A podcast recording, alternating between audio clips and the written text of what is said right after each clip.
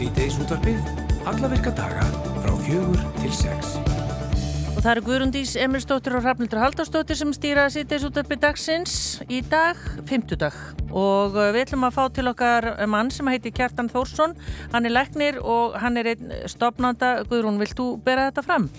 Ég, mér langar að segja prescribi eða prescribi en ég er ekki vissun um að þetta er allavega hugbúnaðakerfi sem að, að gera heilbriðið starfsfólki kleifta að veita örugari meðferð og eftirfylg með sterkum verkelifjum uh, róandi og uh, sveflifjum og þetta er þróað á Íslandi af læknum og forröyturum og er nú að fara í loftið í fleiri löndum en kjartar allar að segja okkur allt um þetta hérna á ettir. Já og þetta er aldrei tengt því sem við fjöllum um hér gær, þá vorum við viðtalið Pétur Magnússon fréttamann sem var einmitt að setja inn á spilaran þætti um nákvæmlega þetta, þessa fíkn. Ópíóðia. Já og uh, var um fjöllinu mitt í Kastljós í gær, þannig að mm -hmm. þetta er svona nátengt efni. Við ætlum líka að tala við mann sem er leðsögumæður, og uh, hann hefur nú oft varaði hættunni í reynisfjöru og það bárust nú myndir uh, í byrjum vikunar, hún var ansi stór og öflug aldan og fólk let sér fátum finnast og fór þarna alveg niður í bara fjöruna. Flæðamál. Flæðamálið og við ætlum að heyri Ingólfur, hvað hefur breyst svona undarferðan, hann er alltaf búin að vera þarna eins og ég segi á ferðinni eftir að koma upp alls konar skildi og, og ljós, það eru hennilega bara umfröðaljósana, guldrött og grænt Mm -hmm. og við ætlum að taka einn stöðuna með Ingólfi á eftir. Og fyrir vikunni þá fóð fram málþing hér á landi þar sem að langtræða niðurstöður rannsóknar Nordref voru kynntar. Þetta er rannsók sem að framkvæmdi í þremur löndum samtímis á Íslandi, Danmörk og Svíþjóð og hún varpar ljósi og gerendur á baku tippamyndir, myndrænt kynferðisofbaldi og hótanir í garð stúlkna og hvenna á netinu.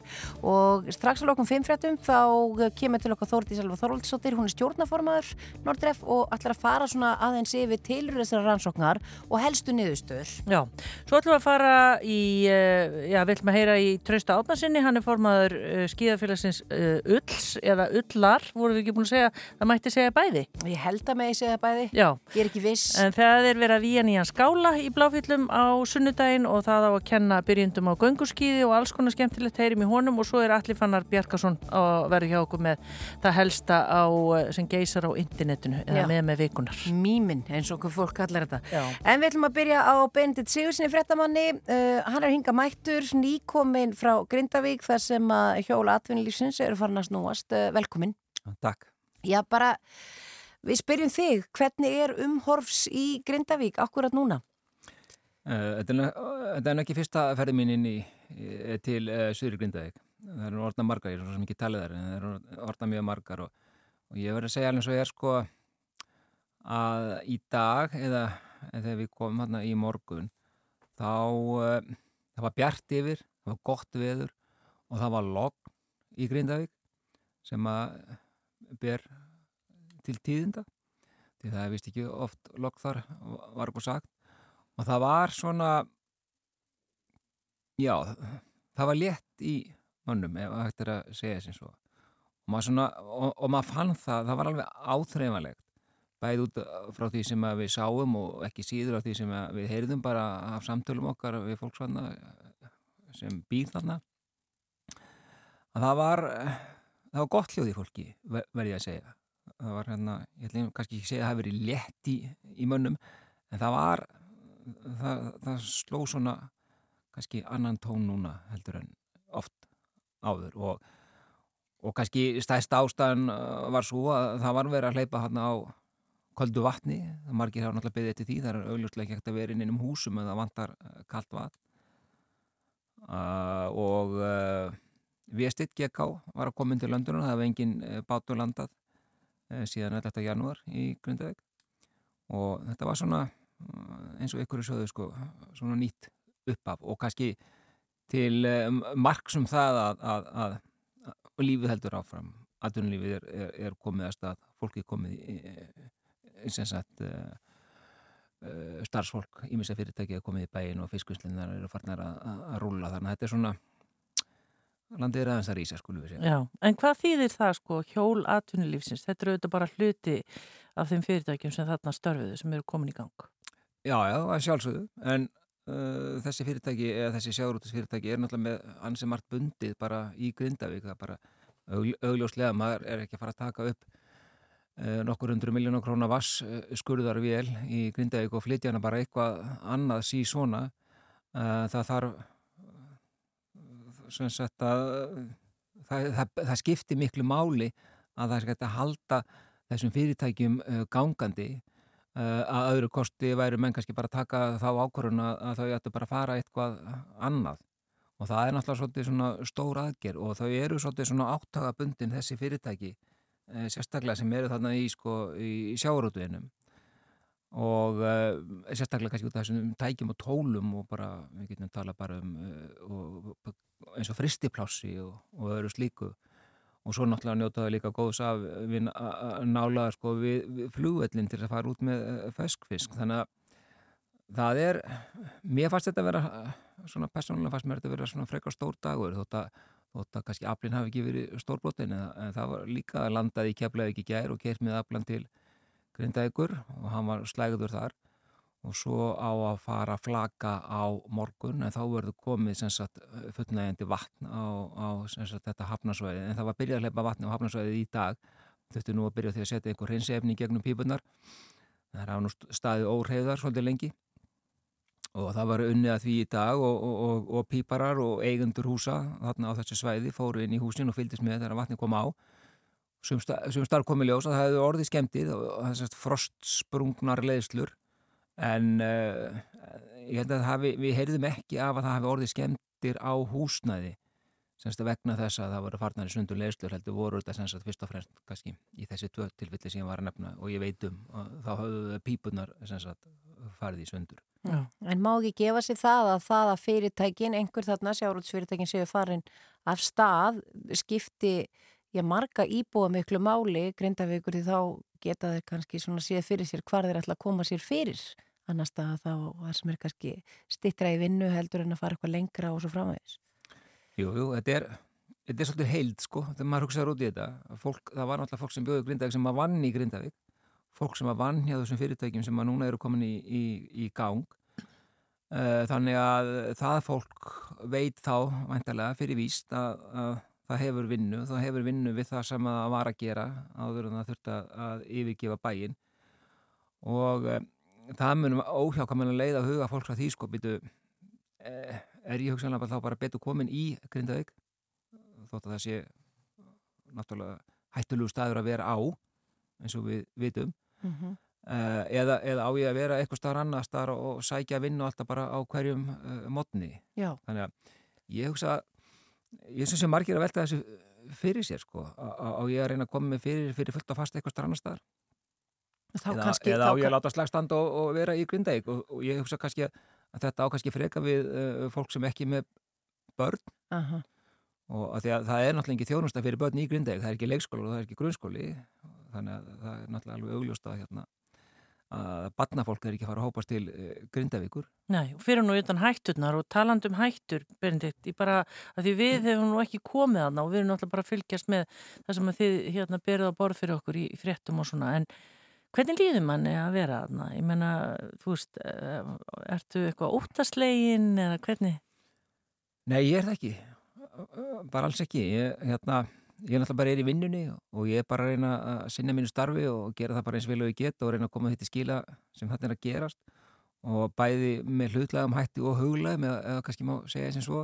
Þar að segja við náttúrulega greinum frá því sem er að sem hefur farið úrskeiðis, ég meina brotin hús og sprungur og þess aftar og svo reynum við, reynum við náttúrulega líka að koma því til skila með einhverjum hætti. Hvernig fólki líður og, og hvernig fólk hefur það því að þetta snýst allt um fólkið þannig að nei, ég er ekki hrettur, ég eh, náttúrulega bara fylgi þeim eh, reglum og þeim tilmælum sem eru lögða borð fyrir okkur hverju sinni. Og við förum ekkert út af þeim svæðum sem við sem sagt, megum vera á, við förum ekkert inn á, við erum ekkert að leika okkur að því að fara inn á, á hættusvæði.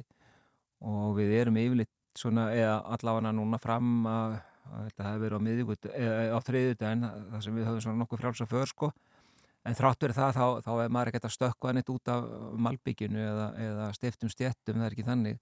En þetta er það mjög sérstök tilfinning að vera inn í, í Grindavík, þetta er mjög glæsilegu bær, öll, öll hús og, og svona, það er allt mjög snýttilegt, allt mjög fallegt og svona velgjert, þetta eru, götur sem að keirir í sérstaklega og nýju hverjumyndur alveg splunkun í hús. Og ég verði alltaf svolítið sorgmæntið því ég stend í þessum götum og horfið á þessi hús, öll þessi fallegu hús yfirgefin. Það er eitthvað það er eitthvað förðulegt uh, við það. En, en spurningunni hvort ég sé eitthvað smeykur nei, ég, ég er það ekki. Nei, og það er vantarlega eitthvað sem að þú ert að undirbúa fyrir kvöldið í fréttunum? Jú, ég, ég er með hérna við talum við uh, skipstjóran á, á Viðsteiningi K sem var að landa í dag og hérna hann var hann var svolítið hærður að koma til Grindavíkur að landa núna í fyrsta skipti í mjög langan tíma. Hörkunagli, búin að vera að sjó í 20 ár. Þannig að hérna, við ætlum að sína ykkur uh, myndi frá því. Svo er ég með vitan hérna við stafsmann veðagerðarina sem var með svona jarðsjá, þeir voru að fara yfir uh, hérna, eina götu þegar við hittum á þá og, og svolítið merkilegt að þar sem þeir voru að, að byrja, eða semst voru að hefja þessa könnun þar hafði bara opnast hóla í gær sem var fyllt upp bara í, í snarheitum og reyndar ekki mjög stór en engu að síður, hún opnaðist Já. og þeir voru þarna gættu þarna fyrstu öryggis og voru með þarna þriðamanna með sér og voru í, í, í línu þannig að þannig að menn fara varlega. Já. Allt þetta í kvöldréttum klukkan 7 Benedikt Sigursson fréttamaður, takk fyrir að koma til okkar og segja okkur eins frá þessu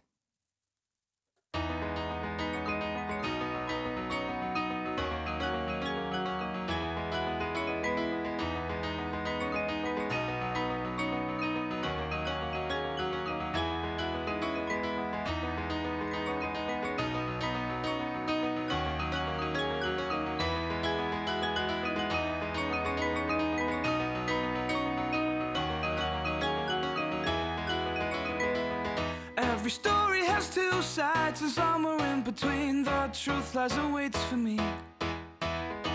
And time can be greedy, stealing all the details that you thought you had.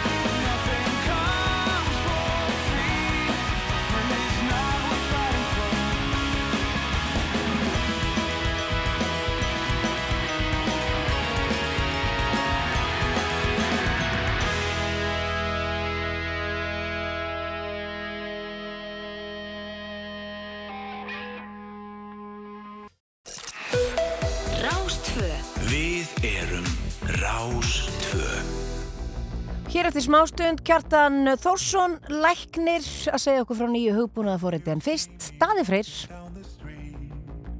Staring at the sky and dragging my two feet. You just passed me by. It still makes me cry But you can make me whole again.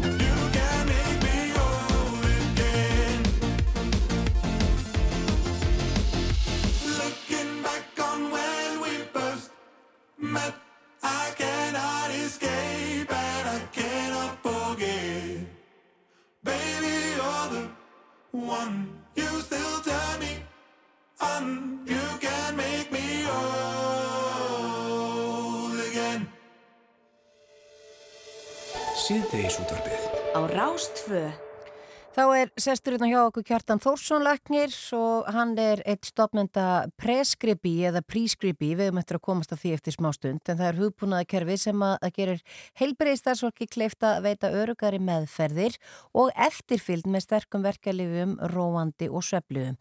Og kerfið var þróað á Íslandi af læknum og forriturum og er nú að fara í lofti í fleiri löndum og Kjartan ringa komið til að segja okkur betur frá þessu. Velkomin. Takk fyrir. Ég byrjum á þessu, segi ég? Sko, prískræpi er svona íslensk-enska tegundin af þessu. Ok, þá er þetta svona nokkuð prescribi, þá er þetta allt í lægt. Þetta er prískræpilegt. Já, þetta er prescribilegt svona.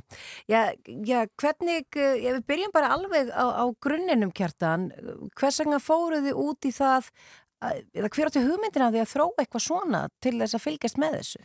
Sko, þetta byrjaði þegar ég sjálfur, ég er uh, læknir og var að vinna á bæknarskurtildinni og þar er ég að skrifa út tugi ópjóða upp á skrifta, þannig að sterkverkjali, við þekkjum þetta, þetta er Oxycontin, Oxynorm, Kontalgin, þessi svona helstu sem hafa verið umfyllinni og þegar maður er með fólk sem maður hefur verið að sinna, það hefur farið í aðgerðir og fleira og er síðan útskrifað á spítalunum og maður lætur þau hafa þessi sterku verkjalið, þá veit maður á áhættinu sem getur fyllt. Og það er svona þumalputta regla að það er cirka einna hverjum tíu sem að fá þessi lifi upp á skrifuð sem þróa með sér eitthvað steg fíknar og að finna fyrir því sem sko helbriðstasmar sem er að láta fólk fá þetta og get ekki gert neitt í því, það er mjög óþægileg tilfinning. Þannig að það var svona rauninu það sem að kveikt í þessu í okkur og við hugsaðum, já, við hljótum að geta gert eitthvað í þessu því að þetta er bara, það er eiginlega bara hálf kjánalegt að við myndum ekki gera eitthvað í þessu. Já, en er sko þegar þú ávísar slíku lifi á fólk sem eins og segir er nýkomið úr einhverju stóri aðgerð eða eitthvað slíkt og sannlega þarf að lina verki ég meina, vitandi það að einhver hluti fær, eh, haldið, fær fíknina, hver, hvernig líður manni þá? Eða, meina, hvernig eh, hérna, hugsa læknirni þá?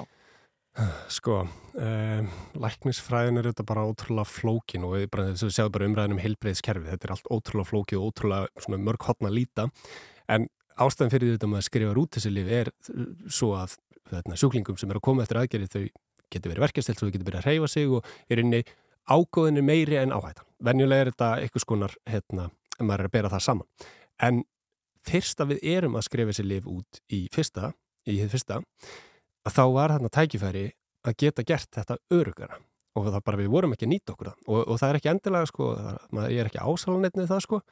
En það var meira bara að tæknin sem við erum komið í dag hún bauð upp á það að við gátum gert eitthvað í þessu, við gátum breytti hvernig við erum að, hvað getur sagt, hvernig meðferðin er með þessi líf og þar svona, þar sáum við tækifærið Er, er verið að, að jafnvel, ok, hvernig er það að hugsa þetta? Er þið þá að hugsa þetta þannig að ef að einhver fær skrifað upp á svona lif að hann fái færri tökundæmi töflur og svo sé það haft sambandið að kerfið segja eitthvað að það þurfa að hafa sambandið viðkomandi til þess að láta hann þá hafa fleiri töflur eða, eða hvernig, hvernig er þetta gert? mm Sko, uh, þetta virkar þannig að hérna, tökum bara eitthvað svona dæmi segjum, um, Bara ég var í aðgerð. já, akkurat, þú Og- varst í hérna hryggspengingu og fólk er venjulega veist, þá er hryggurinn brotnað og fólk er venjulega mjög verkja eftir svoleiðis aðgerðir og fer venjulega á til dæmis Oxycontin, segjum einhver, ég veit það ekki, 10 milligram þú veist, þrísar á dag, eitthvað svoleiðis. En venjulega er fólk verkjað í margar vikur þannig að það þarf að vera á svona lifum í margar vikur. Fyrst fær það uppáskrift úr spítalunum og síðan á það að fá næstu endur nýjuna í helsugæslu á þessum tíma þá þarf að vera ykkur áallin og þarf að vera ykkur plan. Við erum að láta fólk fá eitt mest ánafnandi efni í heiminum og ef við erum ekki með plan um hvernig við ætlum að minka það rólega, þá er það sem að gerist er að fólk þróir fyrst með sér líkamlegt þól og síðan allt í nú hvað skiptir, ég veit það ekki, 6-7 vikur þá er fólk svona byrjað að geta reyft sig og hugsa, já, herðu, ég held ég geti nú bara minka við mig en er bara kannski að gera þetta sjálfur eða sjálf og þá allt í nú, sko, segjum bara að þú hættir jafnvel, þá færið allt í nú frákvörf og þá eru fólk gífularhætt þá byrjaði aftur. En þá ertu sko byrjað að taka lifið að því þú ert þrætti frákvörin og þá smá sem að byrjar þú að verða, já það byrjar að þróast ávani þannig að þú ert ekki kannski endilega komið fíkn en þú ert bara orðin, já, háðisu og síðan á endanum þá annarkvort helst þetta bara svona jafnvel bara í ykkur ár eins og er hjá þúsundum Íslandinga, jafnvel tugum þúsunda og hvað gerist þá? Þá ertu bara orðin áskrifandi því miður og þá er bara þrentistöðinni annarkvort endar þetta í bara fíkn og fólk missir stjórn á lífi sínu og byrjar að kaupa þetta á götunni og er neita af hérna, með tvöður þetta heldur bara hreinlega áfram og fólk, það er ekki gott að vera krónist á óbjöðum uh, og þriðja er já, við reynum að lækka þetta og við reynum að lækka þetta bara svona ábyrgt gera það bara algjörlega í samræði við hérna, helbiðstarfsfólk og skjólstæðinir saman persónasniðum þetta og náum þessu niður, já, helst í null og það er hægt. Já. En ég meina, er eitthvað í dag að því að segjum úr sért orðin síðan, já, ok, það er kannski ekki alveg þín, þú, þú ert kannski ekki að vinna þegar þú ert að koma í veg fyrir að fólk ánetjist, Mm. en ef það er orðið ánetjað, er ekkit í kerfinu að því að getur fólk farið bara á milli heilsugjæsla og annars slíkt eða, eða er samræmt kerfi þar sem að þú getur séð þegar það er búin, að fá þetta marga töflur, Rafnildur búin að fá þetta marga töflur en hún getur ekki komið hérna núna og svona framvegis. Já, við erum, ég myndi segja, örgla eitt af leiðandi helbilskerfum í heiminum í dag með þennan livjagagnagrunn. Þannig að ef ég er að skrifa út liv sjálfur, bara sem hérna læknir, þá get ég séð alla livsæla sem að við komum til að fengið á Íslandi. Og það hjálpar, en, en það sem það gerir er að það er einnig bara sínur okkur, heyrðu það er vandindi staðar hjá þessum einstakling. En síðan eins og í dag, áður en segjum eins og prescribe-kerfið er að koma í nótkun, það hef ég ekkit, ég hef ekkit að, að veljúrum að bjóða hérna þjónustu til þessa einstaklings eða hjálpa þeim. Ég get í rauninni ekki bóðið upp á neitt. Mm. Þannig að það er, dálítið svona, það er það sem við erum að gera núna. Þannig að við erum bæði að hjálpa fólki sem er sem sagt, búið að vera lengi á þessu lifjum og geta bóðið um upp á okkar að laust og sem er raunsæg og bara, þú veist, þú getur treyst í. Og nummið tvö, við erum bara alveg að takla þetta frá byrjun. Þegar fólk er að hérna, koma að aðgerum eða fær kvíðakast eða eitthvað svo leiðis og fær þessi róandi lif líka, að geta gert eitthvað. Þannig að ég er sérst með appið frá þér, ég var í aðgerni hjá þér og það eru liðnar hvað ég var að segja, tvær, þrjár vikur ég var að segja það Mhm. og þú, og hvað gerir ég í þessu appi? Ég menna bara að við reynum að útskýra þetta eins. Já, nákvæmlega, sko, þarna er þú inni með tól til að gera heilbyrðistarfluninu kleift að geta hjálpa þér. Þannig að þú skráir einkennin sem að bara skipta máli tengt lífinu sem þú ert á. Uh, þú skráir meðfyrirheldina og aftur, þetta er ekki til að nikja hann, þetta er bara svo við vitum hvað er á stödd og síðan erum við bara með fræðslu líka þarna fyrir þig og, hérna, og erum með svona Já, maður kallar þetta leikjavæðingu, bara þannig að þú getur borðið saman á ákveðin fjölda sem er búin, í, búin að fara gegnum svipaferð og þú. Við reyndar þurfum að keira aðeins lengur, þannig að við getum gert það. En á sama tíma þá fara þessi gögn, þau fara til heilbriðs aðalagans eða þeim sem er að, að hérna, sjá um þitt mál eða að hjálpa þér og þar bara greinum við gögnin og þá getum við séð, já, herðu, það er hérna, þú veist, hún er að lenda í vessinni, heyrum í henni, veist, hei, hvernig getum við hjálpað? Og þá kannski er eitthvað ég veit það ekki, miskilingur eða eitthvað sem að hætti bara léttilega að leysa Mm. og þá komum við mögulega vekk fyrir að þú kannski endunýr og, og ert kannski, ég veit það ekki, bætast við átta vikur og, og bara hver vika sem bætast við, það er bara alveg margfaldar áhættuna og þú þróið með þess síðan bara fík. Og eru þá til líf sem, sagt, sem að væri þá eins og eftir þrjárvík og segjum það sem að hjálpa manni að trappa mig niður og þanga til ég vonandi bara enda á núl. Sko, það er kannski, við varum ekki að bæta með öðrum lifjum, þetta væri meira, ég veit bara að gera ráð fyrir, þú veist, að læknir sem hefði skrifað lifið, þau væri með paracetamol líka þarna eða panodil og, og henni lif, en ef þú þart á sem ópíðum að halda, þá er þetta bara passum upp á að þeir séu trappaði rétt niður, það er almálið, svo auðvitað þarf allt utan að koma til líka að vera á hreinu, þú veist, þú ert að vera að reyfa þig og allt það. En er þetta, þetta forrit, eða hugbúnaða Mhm. er, er, eru því leiðandi í þessu að því það er verið að tala um að þetta sé að fara lofti í, í fleiri löndum, er, er verið að gera eitthvað svona annar staðar? Nei, það er nefnilega, það sem er svo spennandi við að hafa þróað þetta hérna á Íslandi er að þetta er ekki, þetta hefur ekki verið þróað neistar annars staðar og svona þungin í umræðinu hefur mikið verið á bara þegar að fólk er komið með fíknina sem er bara gott, gott að blessa, það þarf að hjálpa svo sannlega þar, en í rauninni hefur engin svona almennilega verið að fókusura á þetta ferli sem að leiðir til útkomuna sem við erum að sjá þetta. Þannig að við erum leiðandi í því og það eru önnur lönd að horfa til okkar og við erum að hérna, innleiði þetta í Kanada núna í, í hérna, næstu viku. Svo kemur Danmörk, við erum að fara að innleiði þetta í Kaupmannahöfn núna setna á þessu ári og já, ég held að það muni bara fleiri lönd fylgjast með. Það Já. er, já, En er þetta þá þannig bara að all, all bara spítalar, heimilisleiknar, ég menna, er það bara valkvers og einskortir, eru þá með þetta kerfi í gangi eða hvernig? sko í augnablikina því að við erum, auðvitað, við erum að byrja þetta og það er bara einhver starf þarf að byrja.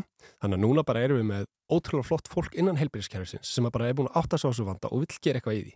Og það er bara metnaður og fólk er aldrei svona að taka höndu saman og bara tækla þetta almennilega. Eh, þannig að núna í augnablikinu, veist, þá erum við með Reykjanes apotek sem er að bjóða upp á þetta uh, heilsugjastluna Urðakvarfi og heilsugjastlu Hubrukasæðisins, en það sem ég sé þetta fyrir mér er bara Ísland verði með þetta sem bara svona hvað getur við sagt, bara staðlað kerfi þegar við erum að skrifa út þessi uh, hættulegu lif sem að samt er þörfa á og þannig að fólk sé bara strax komið inn í hennar pakka og það bara, við verðum leiðandi í þessu heimsísu, ég sé ekkert annað stöðin en það. Nei, en er það miskilingur að því vorum að tala um þetta núna áður en þú komst sko að maður heyrir oft sögurnar að því sko, ég fór í þessa aðgerð og ég fekk allt í nú ávisað sko hundra töflur ég hefði kannski, eh, þú veist, er þetta einhver svona mýta eða er þetta satt?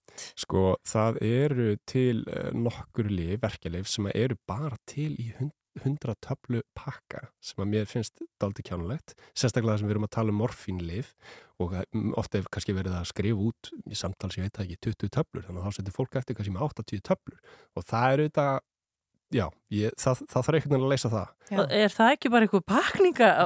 Jú, ég, Er það ekki vantarlega bara þeir lifja fyrirtækin hagsmannamál fyrir þá? jú, þau þurfa kannski eitthvað að taka til þar. Ég vildi ég geti leist öll vandamál, en hérna, En þetta er allavega, þú ert að byrja á einhverju. Já, og líka bara, hérna, þú veist, þarna, þarna vitum við betur sko hvað við erum að skrifa út margar töflur við heilbærstarfsfólk stundu það maður reikna þá maður hefur ekki tíma eða æ, það er alls konar litli hlutir sem spila þannig í og þarna bara erum við að setja eitthvað svona standard bara fyrir næstu tvær viku fyrir þennan einstakling þá þarf 35 töflur þá er ekki skrifað mögulega þrý pakkar, þá er skrifað tveir pakkar og kannski sett í livseðlin og síðan eitt spjald með eða eitthvað svoleið. Aha. Það verður líka fækka töflum í, í umferð, það er oft þar sem allir mis yngra fólk að byrja að fykta þau oft finna þetta hjá mömmu og pappa eða eitthvað svoleiðis eða eitthvað afa Þannig að veist, þetta, þetta, að, þetta spyrir allt inn í, en það þarf bara eitthvað svolítið. Ég vil sjá það já, þess vegna er svo gaman að þetta sé að koma í lofti núna. Þetta er bara svona góða fréttir fyrir Já, Ísland. já. Áhugavert. Mjög áhugavert, Kjartan Þórsson Læknir og uh, Prescribe uh, hugbúnaðakerfið. Við bara hlökkum til að að sjá þetta þróast enn frekar og, og sjá hvernig þetta verður á heimsvísu. Bara takk fyrir komin og gangi ykkur vel. Takk hérlega.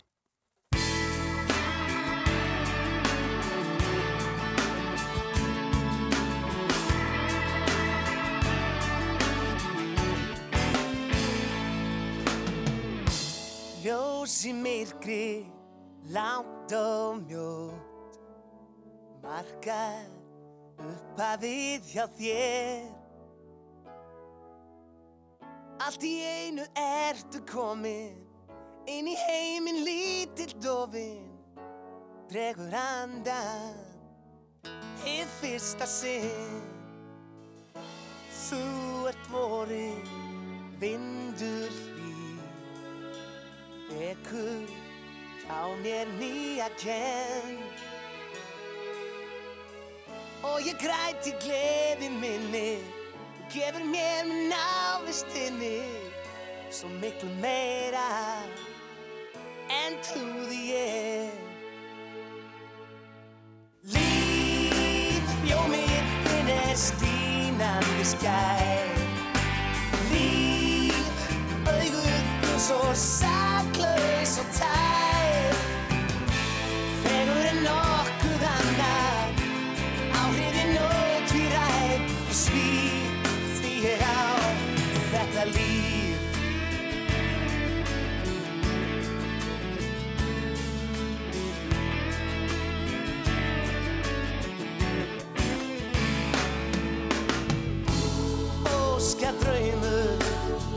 sín þín Ekkert jafnast á við það. Þó við þúsund drauma dreymi Þessa stund ég alltaf geymi Í minni sinni. Og komin á Líf, ljómið þinn er stínandi skær auguð þín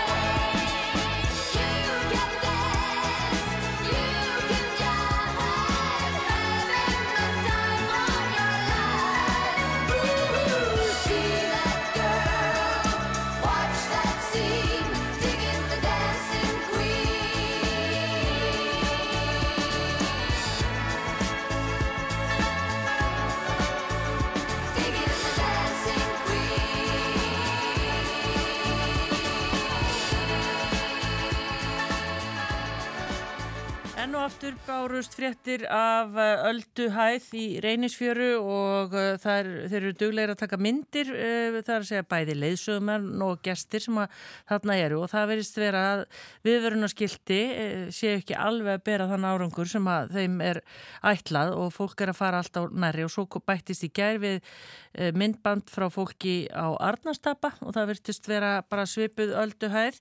Við vorum nú bara forvittnar að heyra því að við veitum að Ingólu Brún leiðsögum maður, hann hefur nú oft tjásið um þessi mál og við erum búin að næli hann, hann er nú að hérna, skellar sér á skýði í bláfjöld og heyrum kannski betur af því og eftir Ingólfur en, en þú er væntilega að sé þessa fréttir, sæl og blessaður.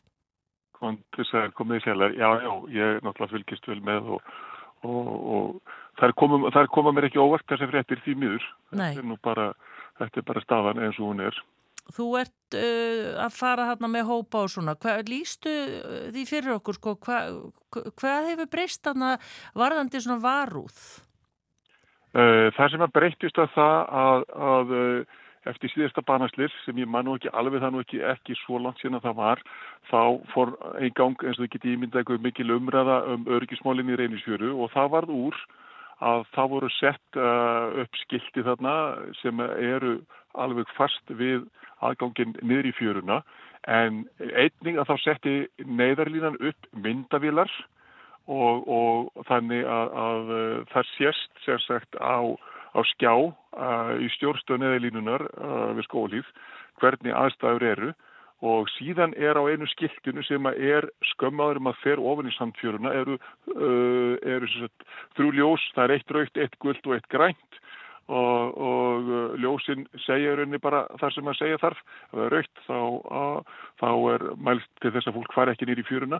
En vandamáli er að fólk fer bara ekki eftir ljósunum. Og, og það sem að vandar á staðin að það er í rauninni Uh, sem sagt sko eftirlitsmaður uh, eða landvörður vil ég segja landvörður og, og sem fylgist með og, og, og varar fólk við þessari hættu vegna þess að í reynisfjö þið viti þetta með hættu þið, þið, þið, þið varðið ykkur því sem að þið sjáuð vandamálið í reynisfjörni er það að aldan er svo lúmsk. Það getur komið 5, 6, 7, 8 kannski öldur, alltinu kemur bara rísaskapl sem að bara fer yfir fjöruna stundum sko eins og við sáum að langleginu að bílastæðinu og síðan þegar útfalli kemur þá sogar það fólk út og þarna fyrir utan er alltaf mjög sterkir ströymar og, og, og ef fólk sóast þetta út og þá er ekki að sögum að spyrja.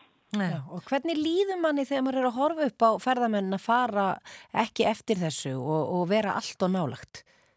Sko, ég, ég, ég, ég get alveg sagt til það að, að við sem að hérna uh, erum, já, hefum gengið í gegnum uh, allavega leysöðskólan í Kópavogi, uh, þar uh, er brínt mjög fyrir okkur að fylgja alltaf fólkinu í fjöru og, og, og vera búin að varða mjög eindreiði við því að, að nálgast sem sagt sko bremið og mikið en síðan kemur alltaf fólk hægt á eigin vegum og, og, og, og, við sem að e, við þekkjum aðeins að við reynum að vara fólku við ef við sjáum alveg augljóst, augljósa hægt að fólk nálgast bremið og mikið í, í miklu bremi en, en, en sumir, flestir hlusta en sumir gera það bara ekki því miður.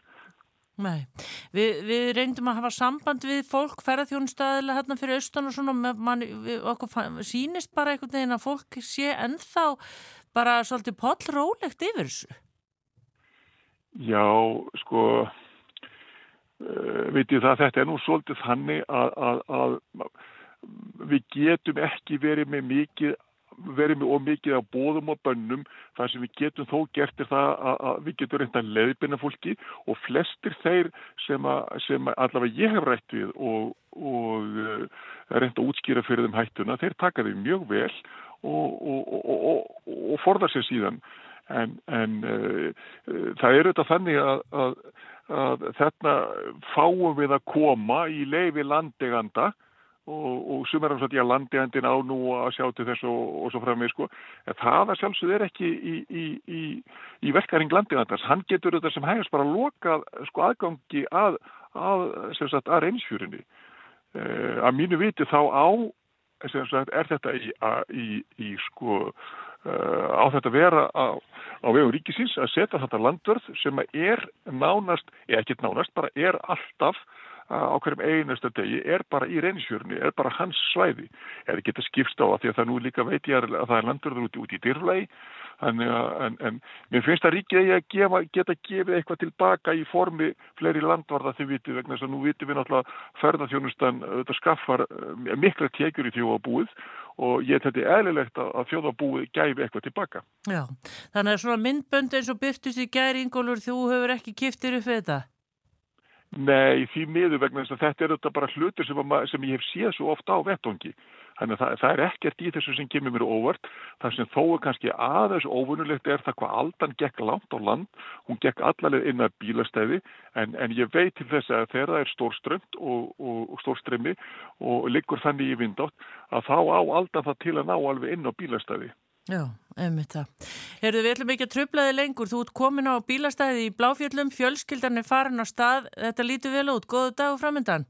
mikið rétt fjölskyldan í farin og ég, ég mæni hér upp í brekkotnar, já, þetta er stórkosluðu dagur. Þetta er einn af þessum fáu dögum þar sem er veður uh, þannig að, að það er nánast logn og, og, og gott skíðafæri og ég myndi bara hvetja alla sem, að- sem geta þar á meðal smára nokkuð Ríkarsson til þess að mæta í fjalli með einkonu sinni og, og, og hérna, og, og hérna, já, Já. hérna mæt, mæti í fjallið. Ég skal reka hann af stað, ég lofa því. Takk fyrir það. Já, takk fyrir þetta Ingólfur og bara góða skemmtun á skíðunum. Takk fyrir það. Bless, bless. Bless, bless. Don't tell the gods I left a mess. I can't undo what has been done. Let's run for cover. What if I'm the only hero left? You better fire off your gun once and forever. He said, Go dry your eyes and live your life like there is no tomorrow, son. And tell the others to go singing like a hummingbird, the greatest anthem ever heard. We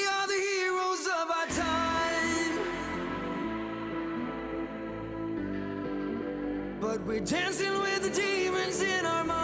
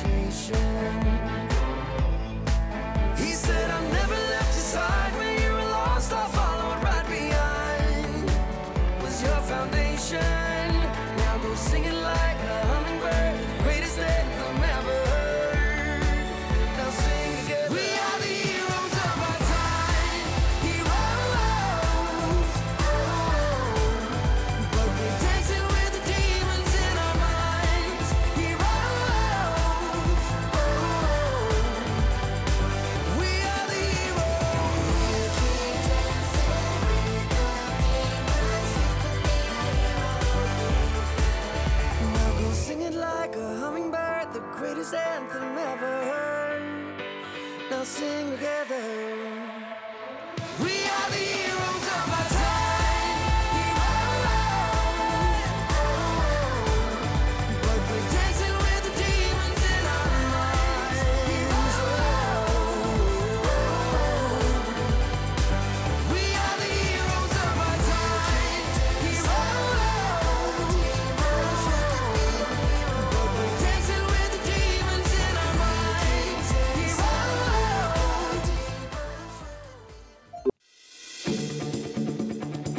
hlusta á síðdeis útvarpið. Á Rástvö Já, við ætlum að halda áfram hér í síðdeisútapinu og rafnildur það er eitt og annað framöndan á þessum klukkutíma. Já, við ætlum nú bara að vera daldið á skýðum hérna í setni hlutanum, við ætlum bæði að ringi mann sem að um, tala við hann um ákveð málefni en hann er á skýðum, við ætlum að tröfla hann í bláfyllum og svo ætlum við líka að tala um skýðagöngudag sem verður á sunnudaginn í bláfyllum. Já, já, og þetta er allt saman. Svo er það með með vikunar hérna líka á eftir. Já, þetta er allt saman eftir. Já, en fyrr í vikunni þá fóð fram málþing hér á landi þar sem að langþráða nýðustöður rannsóknar Nordic Digital Rights and Equality Foundation eða Nordref voru kynntar. Rannsóknin eh, sem framkvæmt var í þremu löndum samtímis, það er að segja á Íslandi, Danmark og í Svíþjóð, hún varpa ljósi á gerendur á bakvið tippamyndir, myndrænt kemferðsóbaldi og hótanir í gard stúlna og kvenna á netinu. Og eh, hinga til okkar er komin Þórdís Elva Þorvaldsdóttir. Hún er stjórnaformaður Nordref og eh, já, ég segi bara velkomin. Takk hella fyrir. Já, við fengum þið hinga til þess að fara svona yfir helstu niðurstöður eh, þessara rannsóknar og aukveðs kannski að segja okkur frá ég bara tilur þennar að þið, þið talið um að þetta hefði verið langþráða niðurstöð. Akkurat, já, algjörlega. Sko það búið liggja fyrir um töluvert skeið að það ógnar sem sagt líðræðis þróun á Norðurlöndunum að það skuli þrýfast svona kympundi ofbeldi á netinu. Það er að segja að konu sé að verða fyrir aðkasti og áreiti á netinu vegna þess að í dag er þetta stærsti líðræðisleir vettvangurinn í samfélaginu. Og konu sem verða fyrir stafran ofbeldi og áreiti, þær eru miklu líklegri til að draga sér hlið hægt að taka þátt í þjóðfélagsumræði og bara ofnbyrju lífi, skulum við segja. Og það auðvitað ógnar líðræðinu vegna þess að ef það verða bara fáa rattir eftir sem endur spekla bara einsleitan hóp á internetinu, þá eru náttúrulega ekki lengur með líðræði sem stendur undir nafni. Mm. Þannig okkur langaði mikið að vita hverjir er það sem standa á bakvið þetta stafranofbildi og áreiti í garð hvernig á stúlna og hvað gengur þeim til? Hverjir eru þetta? Já. Hvar er gamlir? Hvernig tengjast þeir þólendum sínum? Hvers kyns eru þeir? Og, og svona hvað vakir fyrir þeim? Og það eru þrjú lönd þarna undir. Akkurat, það eru Ísland, Danmörk og Svíþjóð. Já, og þá að helstu niðurstöðum. Já, við skoðum sko helst þrjá brotaflokka og þarna þurftum við að byrja á því að sko skoða hegðun sem er skilgrind sem ólögleg vegna þess að það er náttúrulega ekki allt stafrænt ofbeldi ólöglegt, byrjum bara þar sko. Já, en getur þú skilgreint bara aðeins stafrænt ofbeldi fyrir þá sem að skilja ekki alveg það Akkurat, algjörlega. Já, sko stafrænt ofbeldi getur til dæmis falið í sér myndrænt kynferðisofbeldi sem er frekar nýlegt hugtak en það er að, að taka og dreifa og deila nektarmyndum af mannesku án hennar samþykkis og það getur verið feikuð mynd. Nú er það að vera svolítið stórt vandamál. Gervigrindin. Akkurat. Gervigrindin leifir mann að búa bara til nektarmynd af fólki á sko innan við sekundu og þú færð free trial til þess að gera það. Þannig að þú fær fritt pröfutíumbilt til þess að brjóta á kynferðisleiri friðhelgi annara mannsku. Þetta getur auðvitað haft mjög miklar og, og djúbstæðar afleggingar og þólendur að vera í raun og veru sviftir klæðum á almanna færi og jafnvel þannig að mynd, myndin eldir þig. Kemur alltaf upp í öllum leitaniðustöðum þegar nafninuðinu flett upp og svona. Mhm. Getur torveldað bara atvinnuleit og alls konar í lífinu. Þannig að það er myndrænt kynferðsofbildi, það er hluti af þessu stafrænu ofbildi. Svo skoðum við líka bara hótanir, það er að segja að hóta fólki á grundvelli kynstara. Það eru konur auðvitað að vera kannski fyrir svona þessum kynjuðu hótunum eins og bara nöðgunarhótunum og slíku. Og svo skoðum við þessar allræmdu og illræmdu tippamyndir, stelpur. Já. Og það kom mér verulega óvart hvað þær eru að mælast hátt hjá íslenskum konum, hvað margar þeirra hafa fengið slíka myndsendingu. Já, hérna hér. Já, já, þú, já, þú ferði niðurstöðunar að því á eftir, en já, þú, ætla, við ætluðum ekki að, ekki að trubla því því sem hún var spyrjuð á hérna. Já, akkurat. Nei, sem sagt, þetta eru, þetta er þrennskonar hegðun sem hefur skilgarinn sem ólögleg í öllum þremu löndum og þess vegna fannst okkur gott að drepa nöfu fæti og bera saman þessa þrjá brotaflokka, milli landa og skoða gerindurna í þessum málum. En svo er þetta líka svona ákveðin kynju hatusordræða, það er að segja að kalla konur öllum illum löfnum. Eh, má ég segja þegar útvarpið það? Uh, hva, hvaða nöfnum? Já, já. Já, já. Já, já, eh, bara þetta helsta að, kalla konu til dæmis hóru og píkur og tussur svona þessi kynjuðu upp- uppnefningar. Uh Þetta er í sjálfsir ekki ólöglegt og það að alhæfa um konur og tala illum þar út frá kynni er það ekki. Og það er svolítið sérstætt vegna þess að öllum Norrlöndunum þá vendu við alls konar hópa, vendu fólk á grundvelli trúabræða, e, kynneigðar, uppruna, litarafts og svo framvegis en ekki sérstaklega kyns. Já. Þannig að kyn er ekki vendu breyta.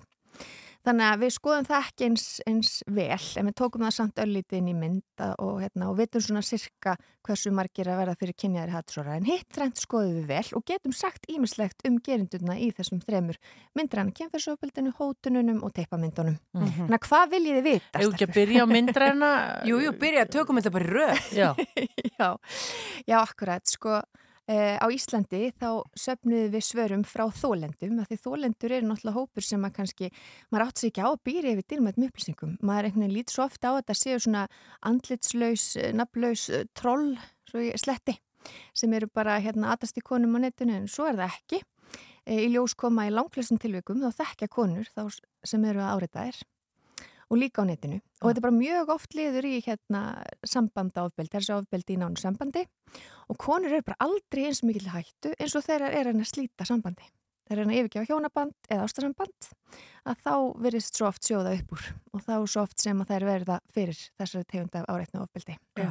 Og að- þá jafnvel hótunum að byrta eitthvað. Já, og... akkurat og sko það var algengara, það kom ég verið lofart, það var algengara að menn raunverulega full fremdu verknæðin heldur en hótunum.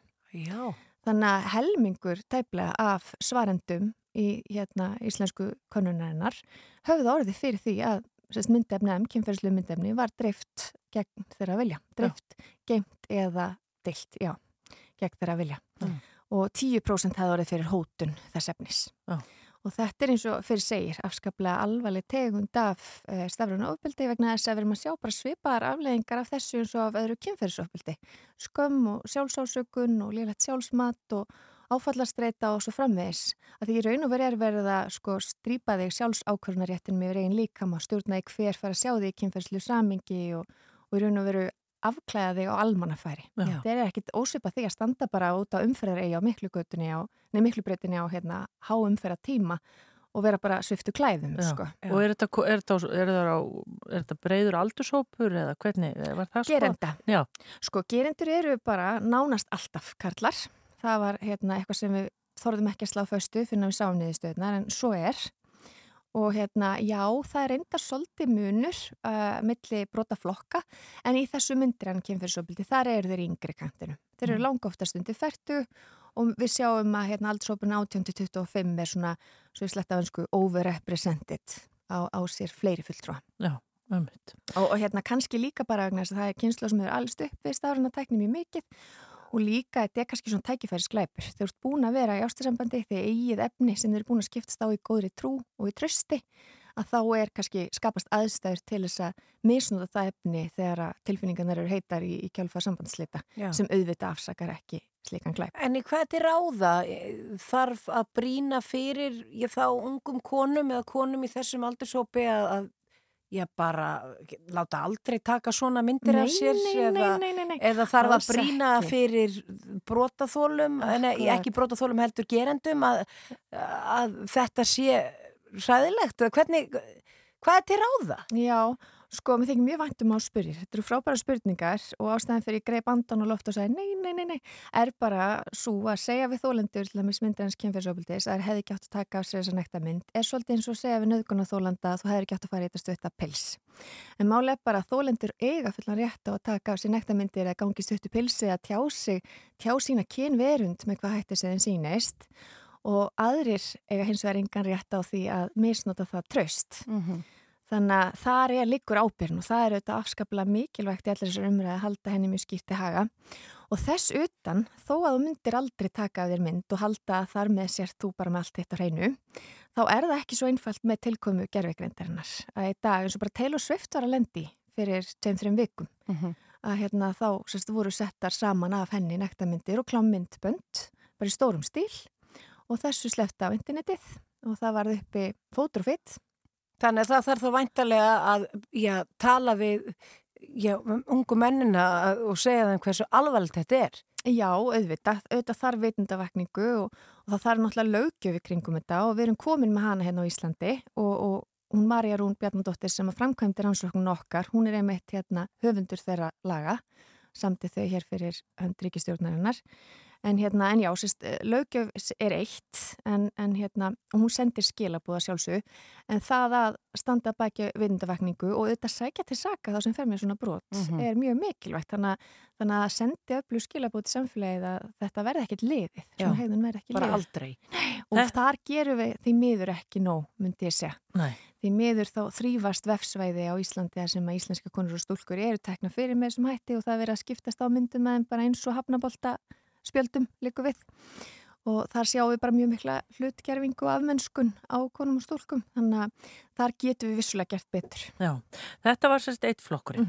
Svo er, ég er svo spennt að heyra, því við, þú sagðir að væri pínu, ég veit ekki hvort ég að segja fyndið, en við verum að komast ángað. Já, við verðum að komast í fyndið. Sko, það finnst nú mörgum svolítið spauðileg til þessum um allas að teipamyndir og hvernig það er verða til. Þannig að við getum kannski tekið það næst. Ég tók sko viðtalinsinu við konu sem held málverkasýningu. Já, við gerðum það Já, röndu saman. Einmitt, sem að held málverkasýningu sko bara um tippamyndir, af tippamyndum sem hún hafi fengið sendar. Já, og þetta, og Heil það, sýning. þetta var heil síning á menninganótt og þær voru allir til sölu og eh, hún gerði þetta því að hún fór bara að hugsa þetta er svo absúrt að hún ákvaða að mála þessa myndir. Voru ekki málverkin mun álitlegri heldur en fyrirmyndir? Ég get rétt ímynda Ég fekk, við fengum ekki að sjá fyrirmyndin. Nei. Nei. já, já, ok, ok.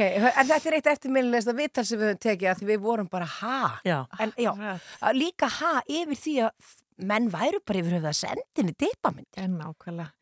Sko, í þarna alveg saup ég kvelju stelpur þegar ég sá að 75% af íslenskum konum og stúlkun sem svöru konuna hefði fengið sagt óvelkomið, kemferðslit efni og þar ber teppamyndirnar hæst og ég sagði bara, guðminn, almáttu, hvað þetta er algengt 75% sko Óumbeðið. Óumbeðið. Það eru þrjára hverjum fjóru. Já, nákvæmlega. Maður fer eiginlega að upplega spinn út undan en maður er ekki Já, að hafa teppamynd. það er að kíkja betur í símum. en svona öllu gríni sleftu þá er þetta sjálfsögðu bara ólíðandi áreitni og þú veist, þetta er náttúrulega bendi til þess að það er orðið mikil tilfærsla á normum vegna þess að þú veist, við erum með samfélagssáttmála sem er það að við erum ekkert að afhjúpa okkur kynfærin fyrir framann annað fólk og sérstaklega ekki fólk sem er ekki beð um það og sérstaklega ekki ókunnuga. Veist, það er ekkert eins og við segjum að rölda um í hagkaupi græmitsdeildinu og einhver bara slengi sláturinu framann í okkur. Þú veist, það Mhm. er bara ósagða reglur að slíkt gerum við ekki. En þetta verðist bara að vera svona annað norm í gangi á netinu og þetta eru konur að upplega mjög mikið. Og aftur að aldursópnum eða Já, bara breytin. akkurat. Þar kemur kannski svolítið speileg breyta upp en hérna, það verður algjör viðsnúningur hjá hérna, gerendum að við sáum að bæði myndrana kynferðsópildinu og í hótunum þá er það hérna, nákomnir í langflestum tilvikum sem er að beita því. Það er að nánir aðstendundi fyrir andi kærastar, makar, slíkt. Uh En hérna, það verður algjör viðsnúningur í óumbeðnu óumbeðna kynferðislega efninu.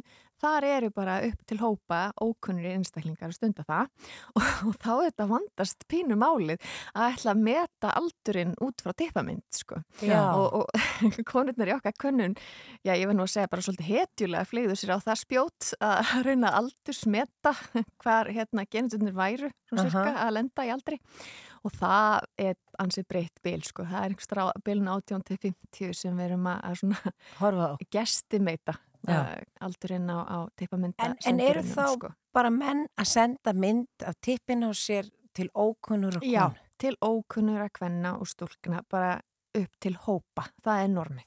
Og það er sambarilegt í öllum þessum þremur löndum. Já, það er sambarilegt í öllum þessum Þetta er alveg galið.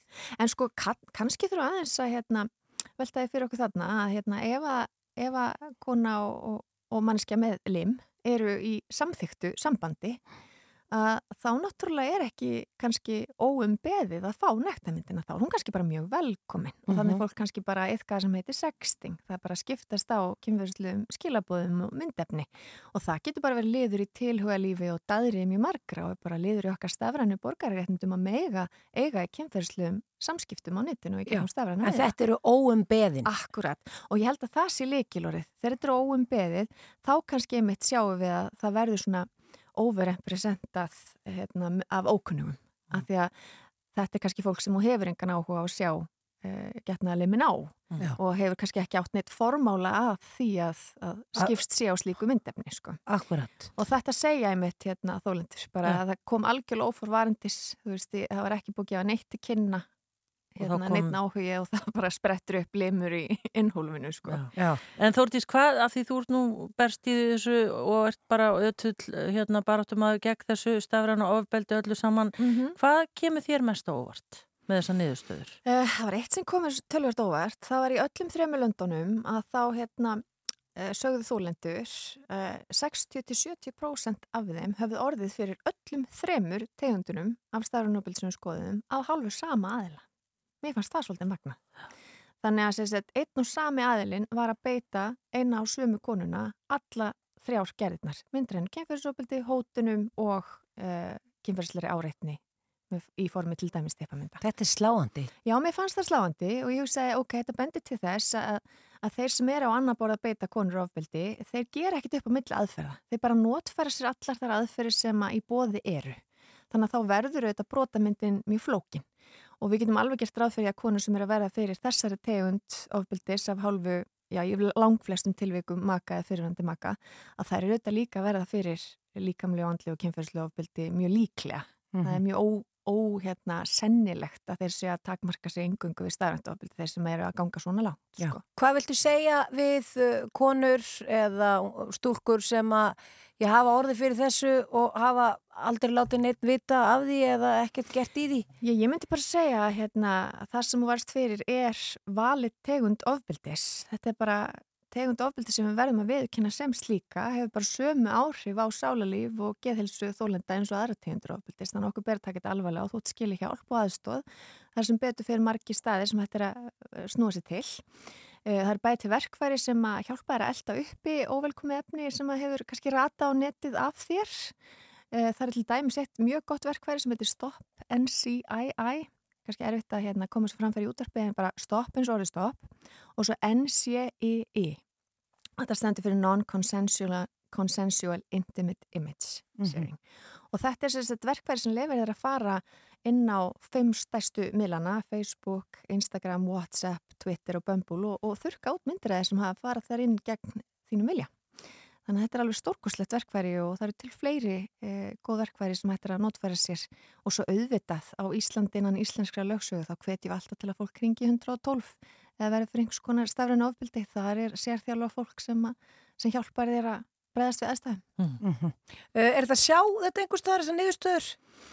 Já, við erum uh, að vinna í því að klippa upptökuna frá því á mánudaginn og þetta verður allt saman aðgengilegt á nordref.org og þar munum við líka einmitt draga upp svona prófílana af gerendum, hérna hvaða vakir fyrir þeim. Þar sáum við einmitt aldrei svona aðteglisverðan þjóðar, þjóðarkarakter. Það var ekki alveg að sama sem vakti fyrir dönskum gerendum og íslenskum og sænskum, þannig að það er mjög margt aðteglisvert Já. á teiningnum, sko.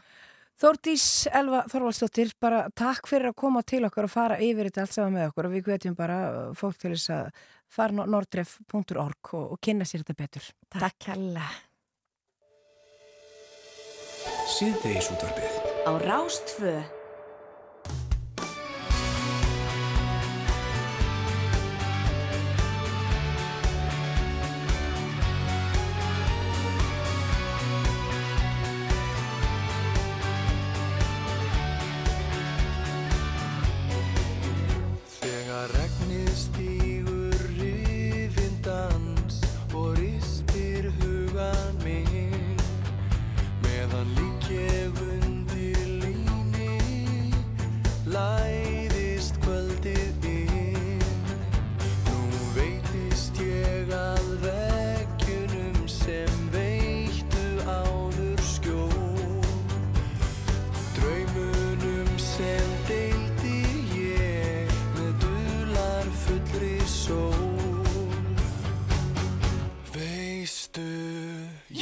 flækist í þinn vef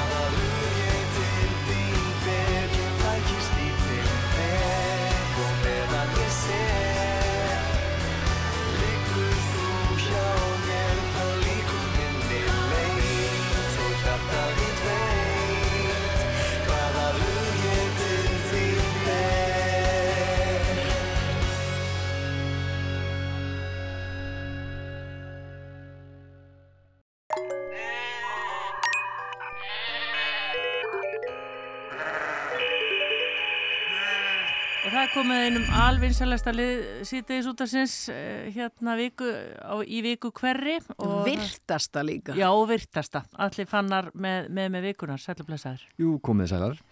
Hvað ætlar að segja okkur skemmtilegt í dag? Sko, nú ætlum við að fara inn algjör, algjörlega sko, nýstað sko, að beini mannlegar uh, tilveru. Algjörlega. Bara núna munum allir og öll tengja. Uh, við skulum bara hlusta á smá brot. I just turned 29. Recently? Last year. So you're 29? Last year. And how old are you, like, right now? One more year older. So 30. Yeah. 32. Ok, Hvað var þetta? Þetta var sem sagt Jennifer Lawrence í kvikmyndinni No Hard Feelings sem var komið í fyrra og er á, á Netflix, skilst mér, ég er ekki búin að sjá þessa mynd en það var eitt búin að sjá hana inn á deiltina hjá okkur og, og svo hann var ekkert sérstök en þetta er eins og þetta brot er eins og að, að, fer með heiminskautum um, um TikTok núna, myndin komið í fyrra þetta brot kom inn á TikTok í november í fyrra en er núna, núna er, eru, er unga fólkið að sagt, taka þetta brot og svona að- leika það sem, það, það sem er í gangi skiljiði, Mm. að að þykjast láta þess að þetta séu sé, sé, að þau séu í þessu atriði. Já, þetta snýst um aldur. Já, það eru komin einmitt að þessari, þessari, þessari, þessari, þessari ísköldu mannlegu tilveru sem er aldurskomplexin. Og það er held ég að sé ástæðan fyrir þetta sé að, að, að fljúa svona um, um, um, um miðlana.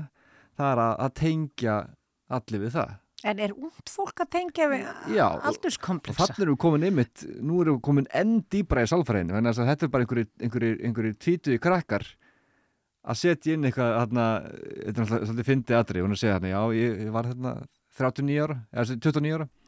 Já, 29 ára, sérst, nýlega já, sérst, í, í fyrra.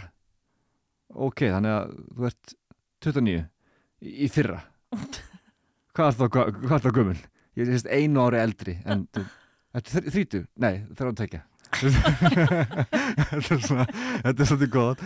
Og, hana, og ég, sjálfur tengi mjög mikið við þetta þannig að ég verð færtur í apríl þannig að þegar ég sá þetta þá langaði mig eiginlega bara til þess að leika þetta sjálfur aftur í- inn á TikTok. Ég er svolítið ekkert að fara að gera það. Þau eru ekkert að ágjöra því.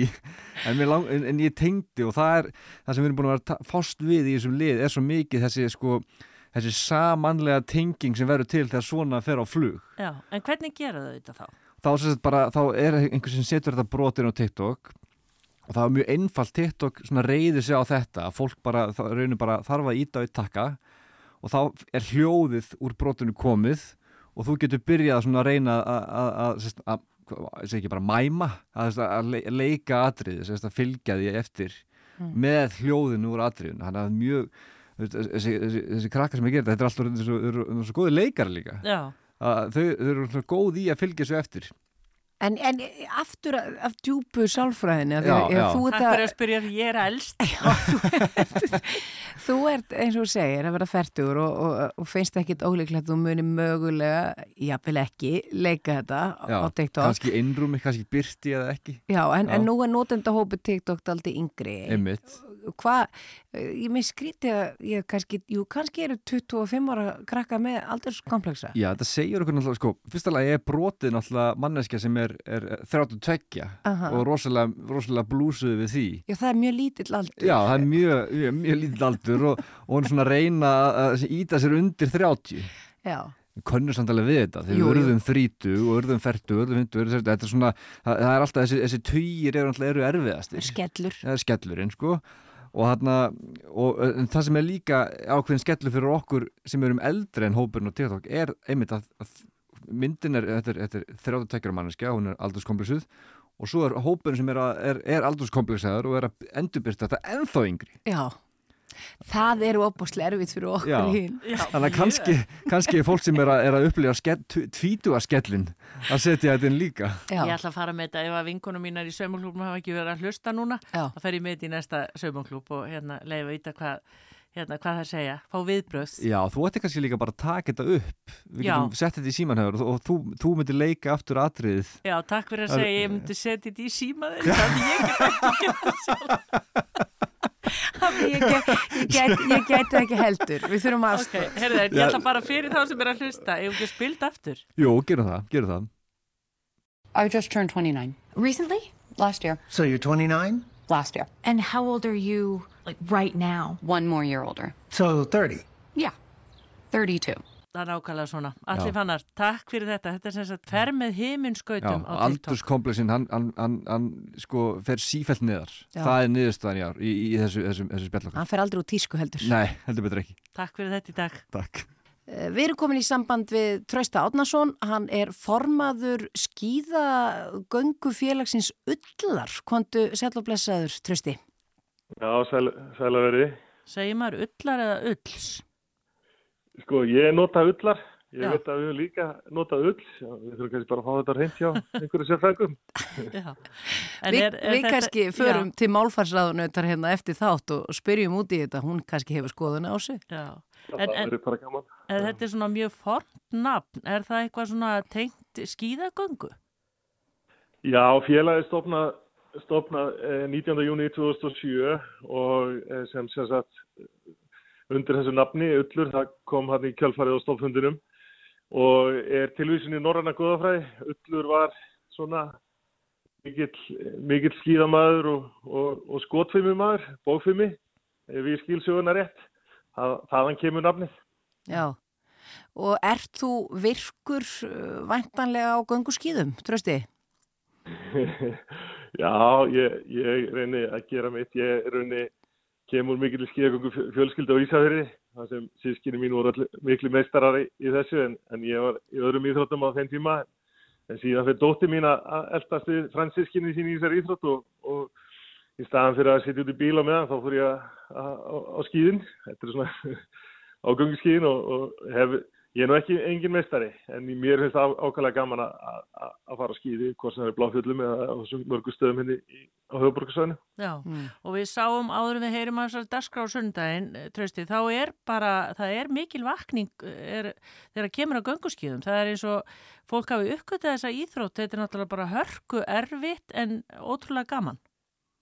Já, ég, það, það er náttúrulega bara, þegar við vorum alast upp á Ísafjörð, þá var náttúrulega góðu kjarni þar en, en, og, og, og þessum stöðum fyrir, fyrir norðan, en kannski ekki hérna á höfuborgarsvæðinu og, og það, það hefur bara, það hefur elst gríðarlega og, mér finnst mjög gaman að keira upp í Bláfjöld og sjá kannski hundra manns þar og svo keiri í gegnum Holmseðina og þar eru 50 bílar eða 100 bílar og, annað eins upp í Heiðmörk og og þetta er alveg gríðarlega gaman að sjá aukningun í þessu sporti og, og, og sérstaklega hvernig almenningur er að, er að, er að njóta þess og, og hversu kannski íþróttin er orðin aðgengilegri bara með betri búnaði og meira úrvali og þetta er ekki kannski þetta nörda sporti sem þetta var fyrir, fyrir 20-30 árum. Mm. Er rígur á milli þeirra sem eru á venjulegum skýðum og þeirra sem eru á gönguskýðum?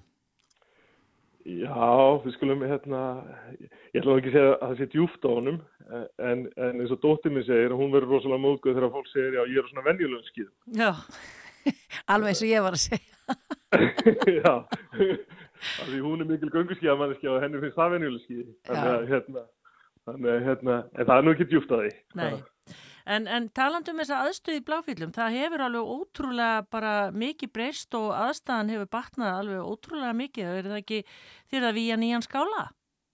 Já, er, þetta er, þetta er, þetta er langfráð draumur sem félagi hefur, hefur haft og, og hérna lagt mikið á sig að sapna fyrir þessum skála og, og verið duglitt í að afla fjár og, og þetta hefur þessi aukning á, á, á og áhuga á, á íþróttinni hjálpa til. Við höfum verið mjög duglega að halda námskeið fyrir byrjendur og, og það er sapnast í sjóð sem við vorum tilbúin til að fara í bygginguna núni í haust eða síðastlið sumar og, og hérna síðan náttúrulega e, mun það breyta gríðarlega aðstöðinu upp frá. Við erum náttúrulega með fló, allra skemmtilegasta skýrgungsvæði á landinu og bláfillamenn hafa, hafa verið duglegir þegar snjórin er að, gera svæðið mjög aðgengilegt bæði fyrir byrjendur og lengra komna og og það er ekkert betra en að fara þarna á, á, góðum degi upp á heiði og strómpana og allt þetta. En okkur eru vant af aðstöðuna. Við erum með lítinn skála sem, sem hérna var, var fluttur fyrir, fyrir nokkrum árum en hann er náttúrulega búin að sprengja allt utan á sér og, og allt það. Þannig að við sjáum að þessi skáli muni, muni vera bylting fyrir íþróttunum fyrir bláfullum. Að bæði fyrir félagstarfi okkar og, og og, og hérna, að taka vel á móti, móti fólki sem er að koma á, á gunguski. Mm -hmm. Og hvernig, hvernig verður þetta þarna á sunnudaginn þegar að, ég menna, eru það að fara við hana á sunnudaginn? Já, við ætlum að vera með svona kannski formlega opnum þarna á sunnudaginn og, og hérna langaði svolítið að að reyna að ná til fjöldans í, í, sem er að stunda íþróttina og kannski er ekki að koma upp í bláfjöld heldur við meira nýri á, niður á þessu svæðum og höfuborgarsvæðinu. Þannig að við ákvæmum að hafa bara skemmtilegan dag frá klukkan 10 til, til 16 cirka með alls konar viðbörðum og, og svona að fólks kynnist kannski íþróttinni frá, frá mörgum hliðum. Þannig að við ætlum að vera með opnun á skálanum eða vikslu á skálanum klukkan halv eitt á sunnundagin en við ætlum að byrja klukkan 10 og vera þá með, með ókippisleðsök fyrir byrjendur og börn og, og hérna ætlum að keira það cirka tvekja tíma fresti. Þannig að fólk getur komið og fengið fengi skíðilánuð, við ætlum að vera við ætlum að vera með það án endurgjáls við erum annars með skíðalegu. En þarna getur fólk komið og, og, og fengi búnað sem á ekki búnað og án endurgjáls en við erum svona kannski höfða til þess að einhverja frjálsar framlega til að fjármagna bygginguna. Og síðan ætlum við að vera með þarna skemmtilega þrautabraut fyrir, fyrir fólk að það getur kannski farið og, og hérna, þetta er ekki bara skíðegang, þetta getur farið í alls konar þrautir og leiki sem hérna íþróttum býður upp á og þarna var mjög gaman að sjá krakkana, við höfum haldið út í mjög öflugu barna og úlingastarfi og erum að búa til afreiksmenn út af því núna. Þannig að það verið gaman að sjá fleiri krakka koma og kynast íþróttinni því að þessi íþrótti er mjög aðgengilegt fjölskyldisport og, og, og hérna til 20 ára. Þannig að, þannig að það er um að gera að taka börnin í þetta sport líka. Síðan eru við líka með skíðaskottvimi skíðasambandi hefur, uh, hefur hérna, tekið ákvörun að að fara í útbreyslustarfi kringu skíðaskottímuna og það er mjög skemmtilegt og fjölbreytt inn í þessi íþrótt. Og þeir, hann Einar að, ætlar að hérna, kynna þetta og fólk getur komið og prófað. Og, og síðan verða útivistaverslanir sem er að selja skíðabúna, þær ætla að vera þarna, það við verðum með aðeila frá fjallakónum, Euröstu útilíf og þeir að lefa fólki að prófa sinnbúnað, þannig að það verður, verður hérna, mikið um að vera og síðan ætlum við að vera með, með svona kannski veitingasölu og við verðum fulltróða frá bæði norska sendiráðinu og, og kanadíska með, með, með svona kynningu á, á íþróttinu frá sínu, sínum sjónarhóðni þannig að það verður svona alþjóðlegt alþjóðlegt hérna, hvað að segja, svona alþjóðlegu bragur á sig líka. Já, er Já, geggjað á sunnudaginn í Bláfjöllum, allir að hérna, drífa sér þangað, en rétt í lokin, trausti, ég hef aðeins prófað gönguskiði og hérna, niður í móti, þegar maður er svona laus í hælunum, ég, ég verð alltaf svo hrætt. Hvað, hvaða ég- ráð ef ég kæmi á sunnudaginn og þú ætlar að kenna okkur gunnu? Við vorum báðað aldrei hrætt, hrættar að fara niður í móti. Já, þá er alltaf gott að kunna detta. Það er ágætt að byrja að læra það, detta og geta þá bara að stoppa sig þannig, en, en auðvitað er þetta bara æfing og þessi íþrótt er mjög tæknileg og þú ætlar að, ætlar að hérna, geta farið bæði upp og móti og niður í móti. En, en það er oft í byrjandanáskjöfum að, að, að hérna, það er ágætt að kunna detta og geta gert það svona svolítið með, með góðu öryggi, þannig að maður sé nú ekki að, að hérna slasa sig. En ég, mér langar líka bara að koma við framfæri að, að, við erum náttúrulega með frábæra, frábæra styrtara sem er að hjálpa okkur að gera svona dag og það, þar kunnum við hérna, landsbankunum og Bíkó sem hefur sterkur bakkjarl í, í byggingunni. Að svona dagur verður ekki tilnema með, með þáttöku margra og, og hérna, við eigum góða styrtara að enda, enda íþróttin mjög, mjög heilna fyrir alla og allir ætti að vera gönguskið. Já, þetta ljóma vel. Ég ætla að fara að skella mér á gönguskiði. Ég kannski kennst ekki á sunnudaginn en, en ég fer að byrja. Það Bara uh, trösti, Átnarsson, takk fyrir að uh, vera, í, að vera á línu hjá okkur. Formaður ullar eða ulls, við- það áttur að koma í ljós. Það má, má bæði, heldur þú? Það má bæði, Það má bæði. Já, bara nú, við, núna má bæði bara. Já, híðan í frá. Já. Bara góða skemmtun á sunnudaginn. Heru, takk fyrir það og vonast til að sjá sem flestu fyrir bláfyllum á sundaginn. Já, takk, takk. Bless. Takk, takk. Bless.